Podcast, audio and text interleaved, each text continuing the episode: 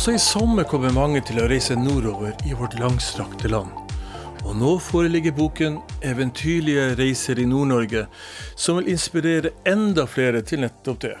Hva er det med Nord-Norge som fascinerer så sterkt? Du lytter til Way to go, og mitt navn er Bjørn Moholt. Reiselivsjournalist og fast reiseekspert på TV 2, Toril Moland, har sammen med journalistene hun er redaktør for, laget en guidebok til vår nordligste landsdel. En praktbok på over 270 sider, som utvilsomt vil klø reiselysten for alle dem som har tenkt seg den veien. Mellom permene er det lite snøfokk, regnvær eller storm over Loppa. Det er glansbildet av Nord-Norge vi presenteres for, og som vi håper å møte når vi tar veien fatt. Det er lekkert og proft utført. I anslaget følger vi journalistene på reisen nordover, i geografisk rekkefølge, med helt konkrete stopp underveis, der både fakta og møte med mennesker hører med. Litt reportasjebok, litt guidebok, men mest av alt inspirasjon. Velkommen til Way to go, Toril Moland. Takk, det er hyggelig å være her. Ikke sant? Ja. Du, du, hva i verden er det med Nord-Norge som eh, fascinerer? Du hører jo på dialekten min at jeg har jo en viss forankring den veien. Ja, du er, du er egentlig bitte litt inhabil til å ha denne samtalen. Men eh, nei, det er noe med Nord-Norge. ehm, Det er Jeg tror det er blandingen og kontrastene. Ehm, Du har liksom disse myke, vakre, fine strendene, og så er det de sykt rå, spisse fjellene. Ehm, Det er liksom Du har duvende åser, og du har trolske skoger. Det vet ikke folk så mye om. Eh, og, og- og så har du store, endeløse vidder. Det er liksom så utrolig mye forskjellig, da. Og så er det plass, og det elsker jeg. Jeg har jo levd på havet i mange år, og, og liker den der horisonten og ikke se et menneske på dagevis. Og det har det jo definitivt i Nord-Norge. Jeg trodde du var litt så people's person, men eh, mitt, mitt inntrykk jo, av det men folka også i Nord-Norge, de kan vi komme tilbake til. Det er helt fantastisk. Ja, ja, ja. Det er litt sånn Vi skal snakke litt om det. Ja, takk. Her. Ja, ja.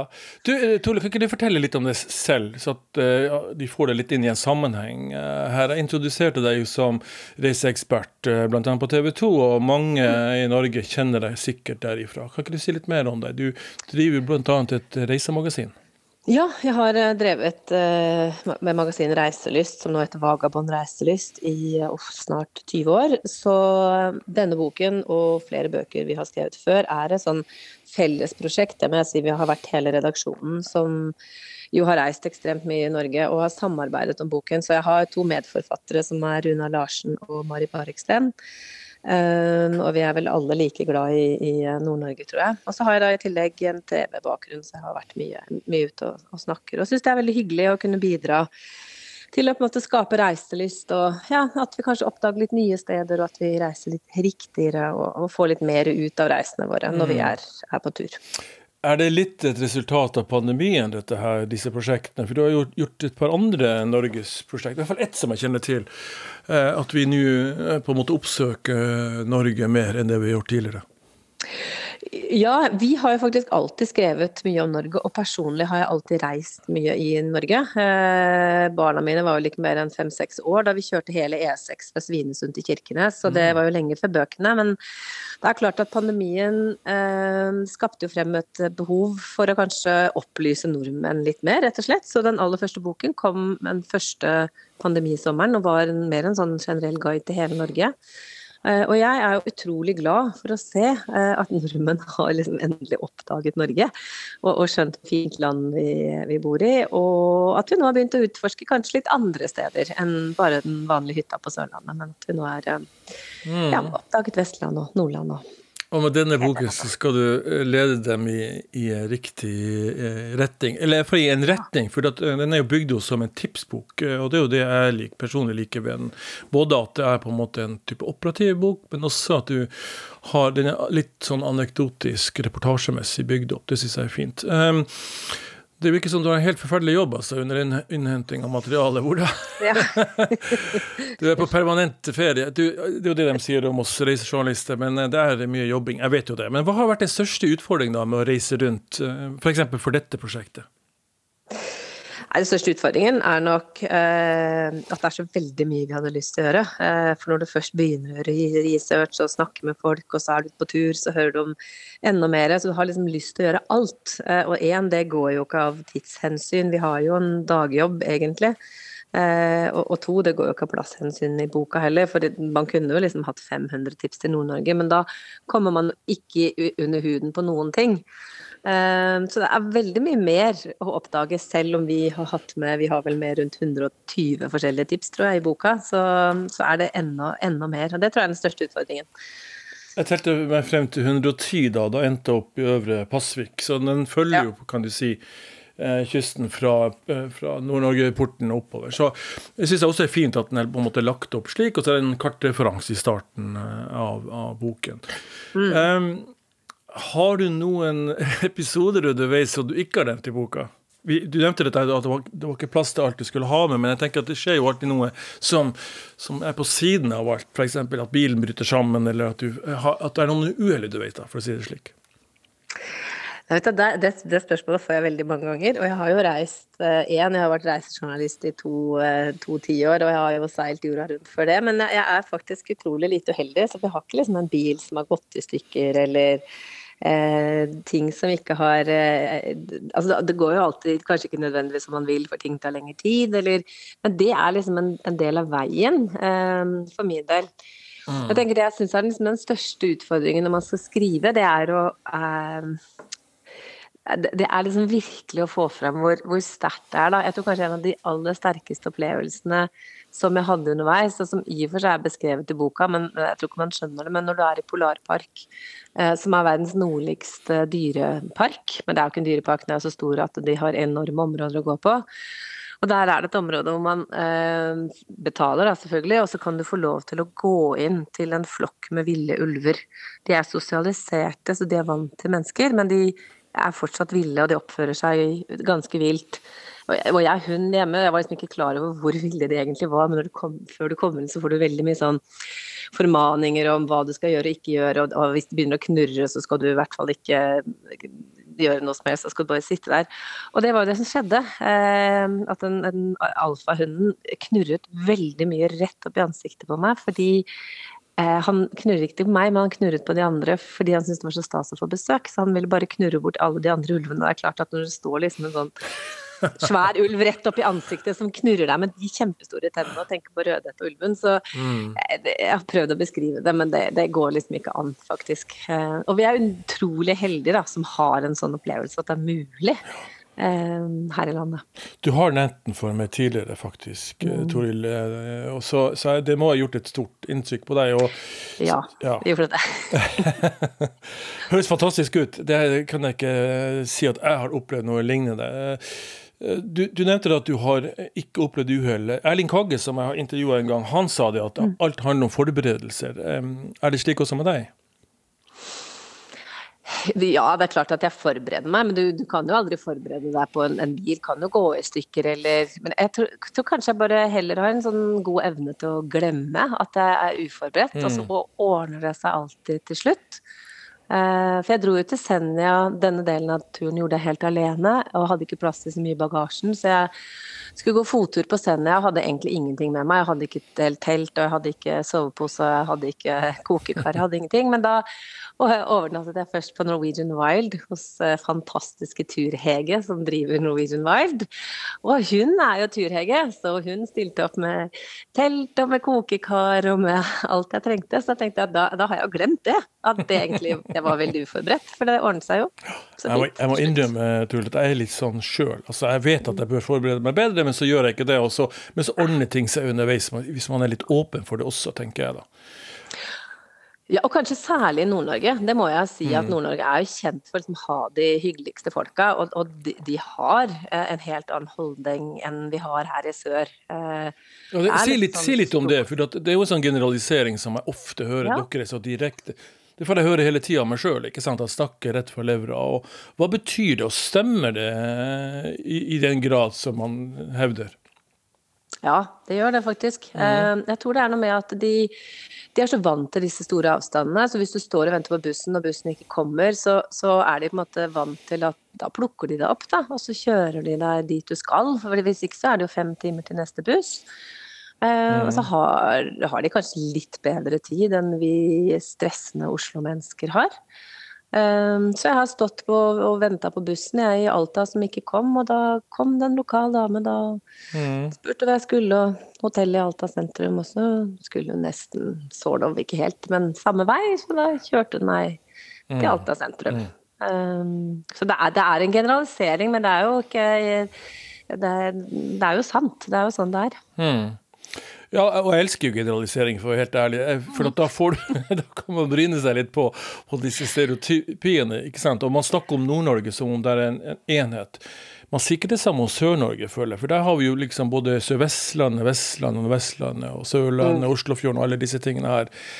Er det ulikheter du opplevde også i nord? At det er forskjell på, på de ulike områdene? Du har Helgeland, du har Lofoten, du har Ofoten osv. Um, ja, det tror jeg nok. Um, jeg, jeg vil kanskje si jo lenger nord man kommer, jo mer er det sånn som jeg sa akkurat nå med menneskene. Uh, mm. Det blir jo mer og mer øde jo lenger nord du kommer. Um, litt uh, stor, Det er stor variasjon i hvor forberedt jeg er på å ta imot turister. Um, og hvordan de jobber med å ta imot turister, f.eks. Langs Helgelandskysten så er jeg egentlig veldig overrasket over at uh, de er bare oppe kun uh, seks uker i sommerferien. Ellers er jo Helgelandskysten stengt, stort sett. Det er ingenting, det er mange ferger som ikke går. Så hvis du kommer 20. august, så er det vanskelig å, å komme seg rundt og, og, gjøre det du skal. Mye som er stengt. Um, så sånn sett så er det jo eh, fordel, forskjeller, men de er kanskje mer regionale enn en, uh, ja, Mm. Men da snakker du mer logistikk da enn en, en, kan du si, karakter, karakteristika i de enkelte, enkelte områdene. Jeg tenker så, Helgelandskysten syns jeg vannet er for eksempel, minner meg nesten mer om, om Middelhavet enn en, en Nord-Norge. Og du har en del sånne særpreg rundt omkring som på en måte man kan, man kan uh, sammenligne seg med andre. da. Men jeg syns, jeg, jeg synes på sånn sett at det er uh, flere likheter, egentlig, enn det er forskjell, i hvert fall i naturen. Mm. Um, det er sånn at Lofoten er den store stjerna og får uh, på en måte velfortjent mye oppmerksomheten, men det er ikke helt riktig heller. fordi um, du har jo like fine fotturer i Steigen f.eks., og det samme fine vannet. Jeg tror kanskje de, det flotteste vannet vi hadde, var i Steigen. Uh, mm. Du har det jo utenfor Tromsø, du har Vesterålen, er jo like fint som Lofoten. Um, og, og, hele Nord-Norge, og nå generaliserer jeg igjen, men hele Nord-Norge syns jeg preges av den eh, naturen med, med da, eh, de fine hvite strendene. De blir faktisk hvitere og hvitere, det gjør de, jo lenger nord du kommer. Uh, men bortsett fra det, så, det er, er, de alle sammen fine, veldig fine. Ja, det er iskaldt, men det er iskaldt. Jeg husker jo det. Jeg er født oppvokst i Hammerfest, så jeg kjenner litt til den stranda vi hadde der. Vi fikk jo aldri bade der, egentlig. Nei, det er kaldt, det er men kaldt. Her, det er våtdrakt. Og så ser det fint ut. Men dere har, dere har, 35 sider om Lofoten, og det er jo forståelig, for da er det jo veldig mye, mye å, å, ta seg til. Veldig åpenbare attraksjoner. Eh, det betyr i praksis at dere har vært nødt til å utelate noe. For dere, boken er vel på 270 sider, og, og da er det begrensa med plass. Er det noen steder dere gjerne skulle hatt med i tillegg? Jeg ser, for, for, jeg ser blant annet at Træna f.eks. Myken er ikke med. Altså disse øyene langt, langt ute i havet. Er det andre ja. ting som, som, dere var nødt til å gi slipp på? Ja, det er som du sier, langs Helgelandskysten f.eks. så finnes det jo et utall fine øyer. Vi har mm. så vidt vært innom Vegaøyene, uh, så det har jo fått plass i boken. Og så har vi valgt å ta med Dønna og Herøy, som jeg syns er to perler som er veldig, er veldig, veldig forskjellige. Uh, men du kan jo fortsette øyhoppingen opp langs Helgelandskysten, som du sier, ut til Myken, Træna, helt opp til Rødøy. Mm. Og alt det skulle jeg veldig gjerne hatt med, men, men det kan man jo selvfølgelig ikke.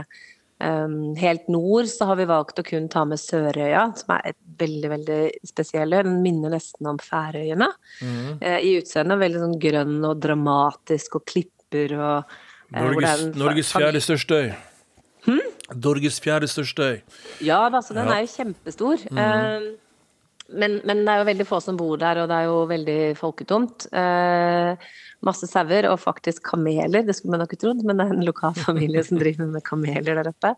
Eh, det finnes jo flere, langt flere øyer også eh, lenger nord, som, som, vi var nødt til å mm.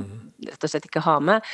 Jeg hadde lyst til å sykle eh, Finnmarksvidda. Eh, du kan sykle den på tvers og på langs og overalt, men det, vi var nødt til å ta en kortere versjon av det. Eh, jeg skulle egentlig vært og gravd gull på Finnmarksvidda. Mm, okay. uh, og det gikk Karasjok, ikke av tidshensyn. Ja, mm. det er ut fra Karasjok. Mm. Uh, de, de, driver ikke så stort og kommersielt, og det er vanskelig fordi det tar veldig mye tid. Så vi fikk det ikke til å passe inn i tidsskjemaet. Men det tenker jeg må være helt fantastisk. Å dra en uke ut i bushen og leve som en gammel gullgraver og være bare ute i naturen. Mm. Um, så det er jo masse, som jeg sier, det er jo, vi har fått med mye, men det er jo alltid enda mer å, å ta. Men herregud, så mye fint vi har fått gjort, da. Det må jeg jo Ja da, jeg, jeg ser jo det, helt åpenbart. Uh, og jeg syns at bildeestetikken og formatet og alt dette her stemmer veldig bra. Mm. Uh, jeg syns den er blitt en, en fin liten uh, bok. Nå har jeg nevnt det innledningsvis også at det er ikke mye dårlig vær i boka, men det skal det vel heller ikke, heller ikke være. for at jeg er født og oppvokst der oppe, så det er sånn, Uværsdagene var det jo 300 av i året, ikke sant? Føler man Og så tar, tar, du bilder de andre 65, ja.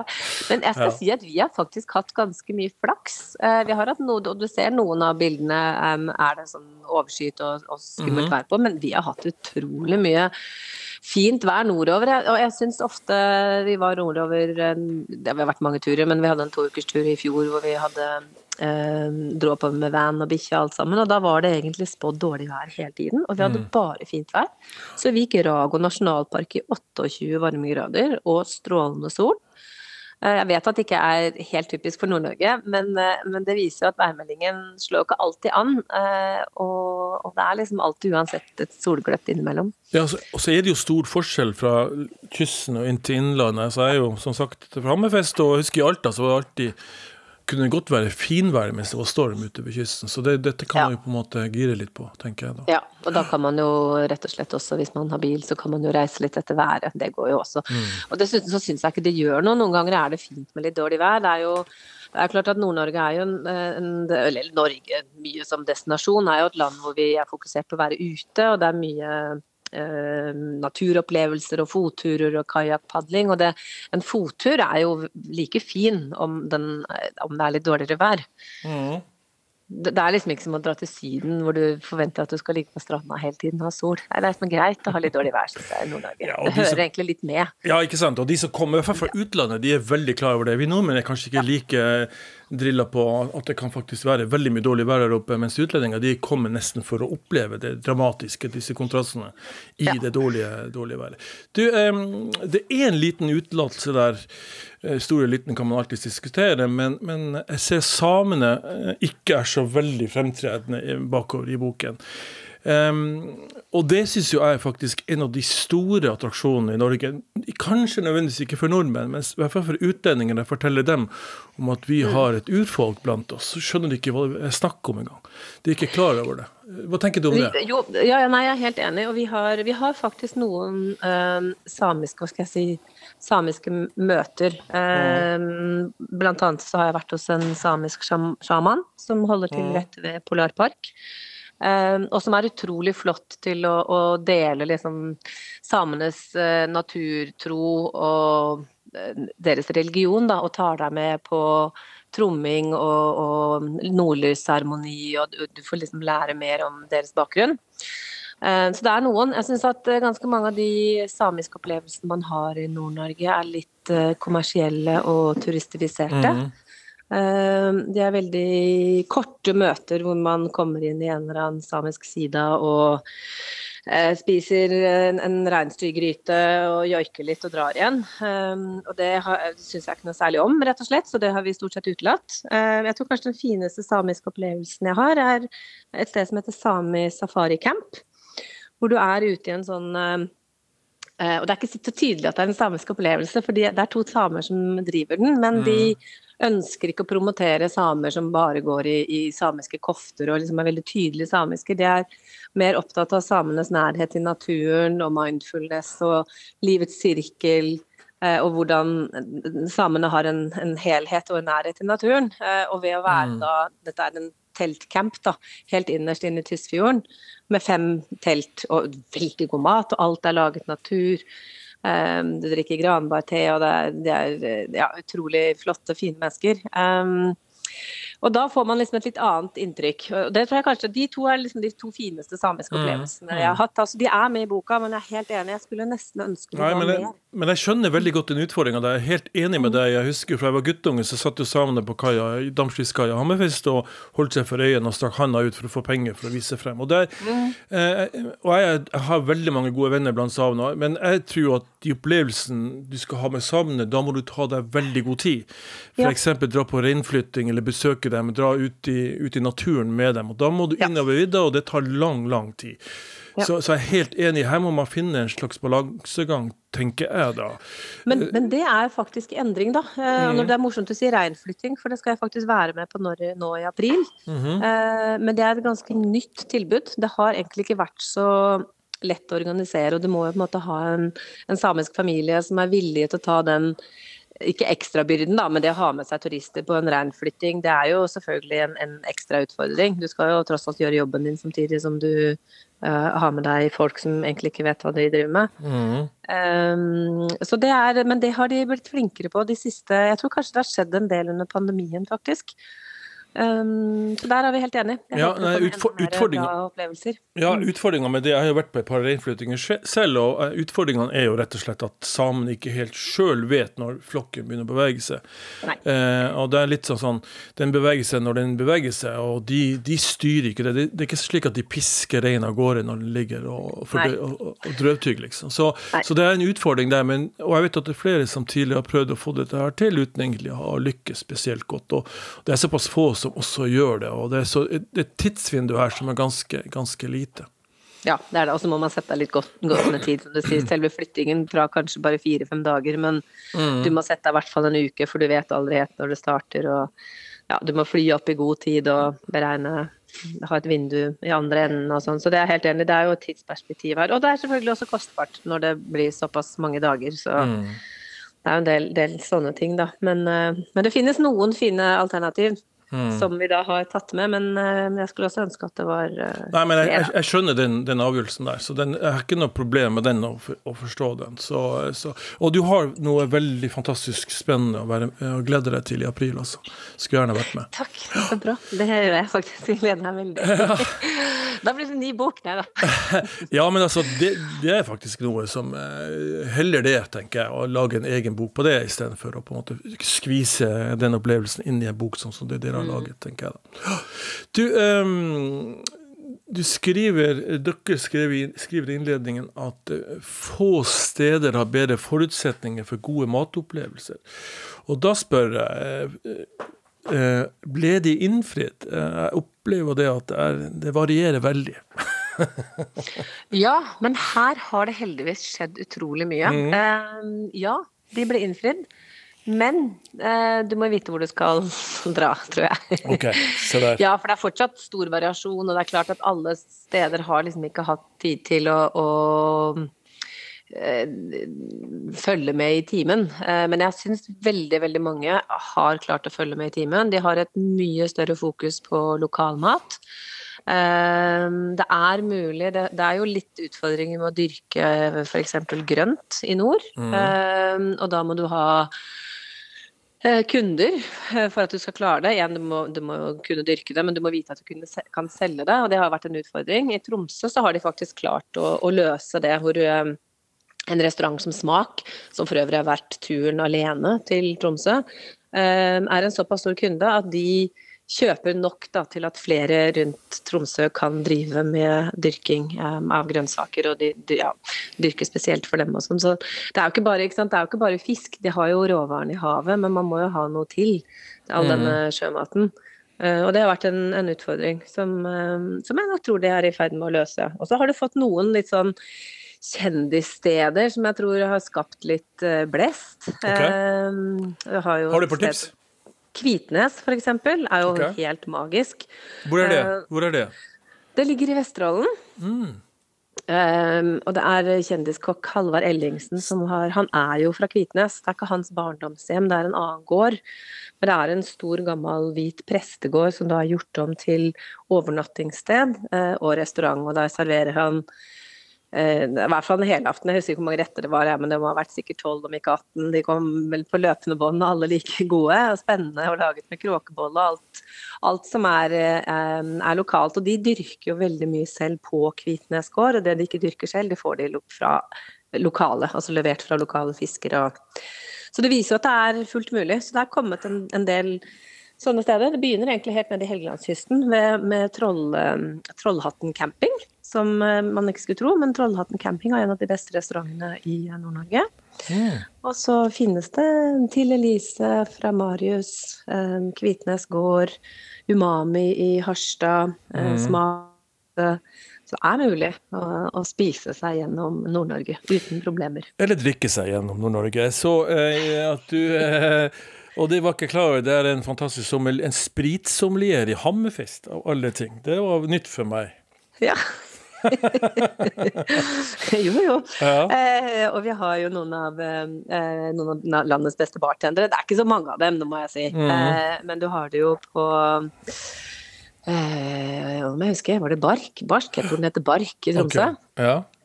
Eh, som lager arktiske drinker. Han lager sine egne. Mm. Eh, så har du jo eh, verdens nordligste whiskydestilleri. Det ligger jo oppover her. Så, de, så har det kommet en del sånn eh, mikrobryggerier. Du har det eh, på Senja, f.eks. Lager Senja håndverksbrygg. Det er to gamle lærere som lager eh, Senja, Senja mikrobrygg i kjelleren på den gamle skolen. Så dette er bra. Og det er høy kvalitet, faktisk. Det er veldig bra. Fantastisk. Så, så, nei da, det skjer ja. noe både på mat- og drikkefronten nordover. Altså, Man glemmer fort når man reiser sånn at eh, det bor i underkant av 70 000 mennesker i Finnmark. Så det handler jo litt ja. om befolkningsgrunnlaget også for å kunne drive den type ting. Du kan ikke bare ja. drive et sted i løpet av seks uker på sommeren, du må ha et uh, grunnlag. Så, så, da blir det litt langt mellom disse stedene. Slik er det bare, tenker jeg. Ja da, det er det, men du, um, du, du, har liksom nok til at du kan reise deg oppover uh, nordover, selvfølgelig. Og så blir de ofte litt i nærheten um, av kanskje større steder hvor det ikke er så vanskelig å komme til. Må sies at Kvitnes er jo egentlig ikke det, men uh, Trasti og Trine f.eks. ligger bare rett utenfor Alta, så man kan kombinere det med et opphold i Alta. Mm. Og dra ut, dra ut, til Trasti og Trine. Men ja, nei, det er selvfølgelig det. Man skal ha et, uh, et, et grunnlag. Mm. Ja, og så er det noen som, som du nevner, Trasti og Trina, noen som får veldig mye fra utlandet og, og gjennom hele ja. året, som gjør det faktisk mulig for dem å holde på. Ja, Men det, det, det, er egentlig unntaket. Ja da, og de er nødt til det. Eh, og de er jo også nødt til å basere seg litt på lokale, ja. og veldig gjerne lokalt næringsliv. Og det er derfor en by som Harstad f.eks. hadde jo faktisk inntil nylig um, fire veldig gode restauranter. Nå har uh, flere av dem måttet legge om konseptet sist og kanskje bli en bistro istedenfor en fancy restaurant, men Umami har liksom holdt koken og vil jeg si er en av Norges aller, aller beste restauranter. Mm. Uh, men de er, jo, de er, jo, da litt avhengig av å ha uh, et næringsliv da, i byen som, som tar med seg nok kunder for å spise. Mm. Og det er ikke lett. Er, jeg ser det. Jeg kjenner flere steder som har det, de, kommet og gått. De har en mm. ekstra dimensjon å, å, få det til der oppe. Men da må jeg si at det er jo ekstra imponerende at såpass mange faktisk klarer det. Mm. Og er blitt en destinasjon i seg selv.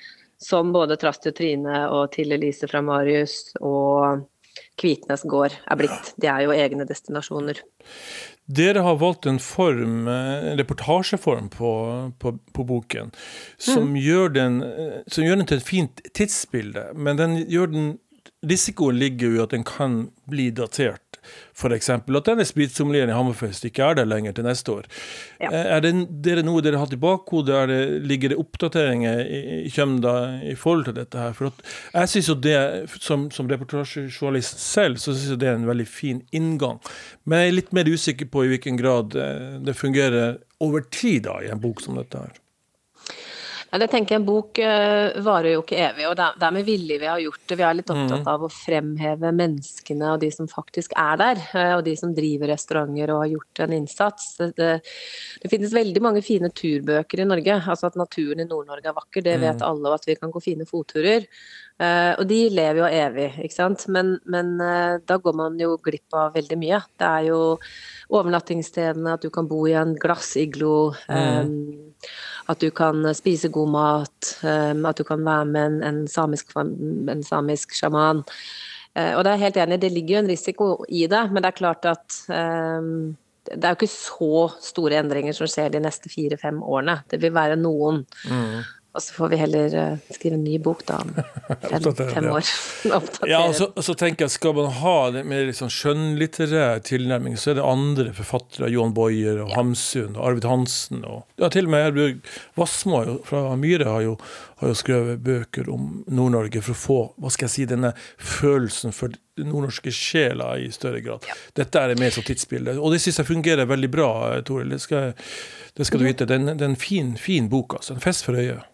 Takk, takk. For det er jo ment som en, en fristelse, rett og slett, for mm. å få og tips til nordmenn som har lyst til å dra nordover. Eh, og hjelpe dem til å få en bakgrunn og, og, plukke ut, rett og slett, hva de tror de kunne tenke seg å gjøre. Mm. Eh, for man kan jo ikke gjøre alt på en gang.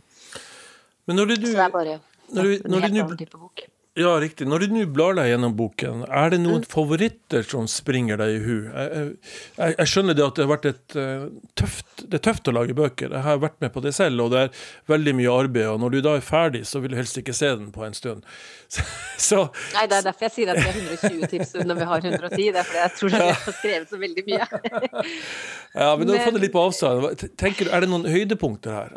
Jeg, jeg spurte deg innledningsvis om du kanskje hadde noen fem, men jeg skal ikke, jeg skal ikke teste deg på det.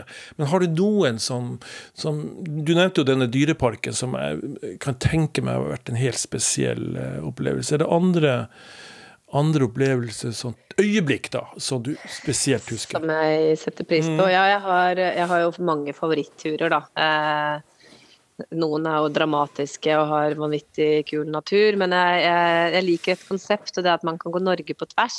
Mm -hmm. eh, det har jeg faktisk gjort to ganger nå, jeg har gjort det for mange år siden med barna mine. Eh, men da kan du også ta Norges nordligste jernbane. Den starter jo fra Narvik, så tar du Ofotbanen rett over til svenskegrensen. Mm.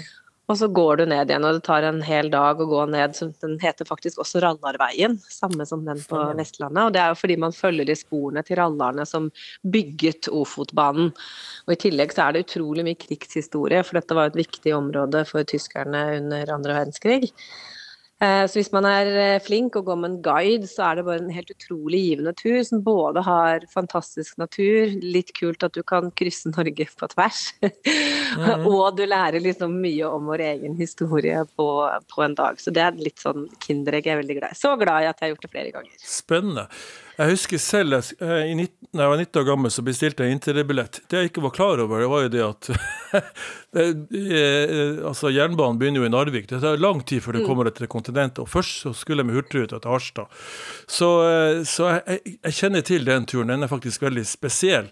Men det tok altså lang tid for meg å komme ned til kontinentet. Så eh, Det tar litt tid å komme. Det er langt til landet. Det er langt til landet, ja. ja. Og det meste er nord, er det ikke det? Det meste er i nord, ja. Du, eh, hva er den siste turen du har vært på nå? Nå snakker vi om noe helt annet, tenker jeg. Ikke Norge, kanskje? Og som jeg har vært på tur øh, mm. nå. Mm. Ja, nå må jeg plutselig tenke. Hvor er siste turen? Sånn har jeg også det. Får litt amnesi på ting jeg har gjort. Jeg får, jeg får, jo fullstendig amnesi på hva jeg har gjort i det siste. Men skal, men, men, men, jeg husker det jeg skal, og det har ikke noe med Norge å gjøre. Jeg skal eh, min aller første tur til India noensinne. Eh, men ellers så har jeg Jeg har faktisk egentlig reist mest i Norge i vinter. Jeg er veldig glad i vinter nå, jeg. Ja. En av de bøkene vi har skrevet, faktisk, er jo en vinterbok. Um, men det er så mye fint å gjøre i, i Norge om vinteren, så jeg har vært i um, vært i Alta i vinter, og jeg har vært i Voss i vinter, og stått Lille, på Lillehammer. Ja. Se her. Du har jo en datter som går på ski, det vet jeg. ja, det er det også. Ja. Det var mye skirenn. sånn blir det. Norges NM i Alta og, og, litt sånn. Men det er en fin måte å, å se landet på, da. Det er det. Så derfor så blir det jo litt mindre reising på meg om vinteren. Eh, nok mm. på hva vi gjorde sist, faktisk. Vi var på cruise på Nilen. Ah. Det har vi rukket å gjøre mellom mm. alle disse skirennene i vinter. Hvordan var det? Det var en utrolig flott uh, opplevelse. En, en sterk kontrast til uh, f.eks. det å være i, i Nord-Norge hvor det er så god plass og så få mennesker. Mm. Uh, Egypt er jo veldig hektisk. Ja. veldig mye folk. veldig mye mas. fantastisk historie og ruiner og selve mm. cruiset på Nilen. Det er vakkert. Um, men litt som om å stålsette seg, eh, i hvert fall hvis man er som meg og egentlig helst liker Hardangervidda helt tom. Ja, i hvert fall hvis du skal kjøre bil i Kairo, så må du vite hva du begir deg ut på. Jeg var der i fjor. Det, ja. det, det, er, for, det er, litt for spesielt interessert. Du må på en måte være litt på nett. Og det er litt sånn som du skal på inn, til India nå. Jeg, litt, jeg, vet ikke helt hvor du skal i India, men det er jo litt det det også der. Det er veldig mye mennesker der. Jeg skal i et bryllup i New Delhi. Oh. Så det blir hektisk de luxe. Fantastisk. et indisk bryllup, faktisk. Et ordentlig ja. indisk bryllup. Så det blir jo eh, utrolig flott opplevelse. Eh, og det blir jo ja, en, en kulturkrasj mm. uten like i, i, forhold til landet vi kommer fra. Og så skal du rette opp til samene i nord etterpå, eller? Og så skal jeg rette sammen i Nord-Norge. Fantastisk. Du er heldig. Er en, jeg, jeg misunner deg, deg mest en tur til Nord-Norge, for å være helt ærlig. ja. ja. jeg tror den kommer til å sette mest varige, varige mm. inntrykk. Det tror jeg mm. også, faktisk. Det er noe med at når man tar seg tid til uh, å reise sakte og faktisk være, være, til stede i en periode, så det gjør det et helt annet inntrykk. Sitter mm. igjen. Mm. Flott. Toril Boland, eh, redaktør i magasinet Vagabond reiselyst, er det ikke det? Jo. jo. jo. Tusen takk for at du stilte i Way to go, og, og god tur ja. Eh, til uh, India. Tusen takk, bare hyggelig. Takk skal du ha for at jeg fikk være med.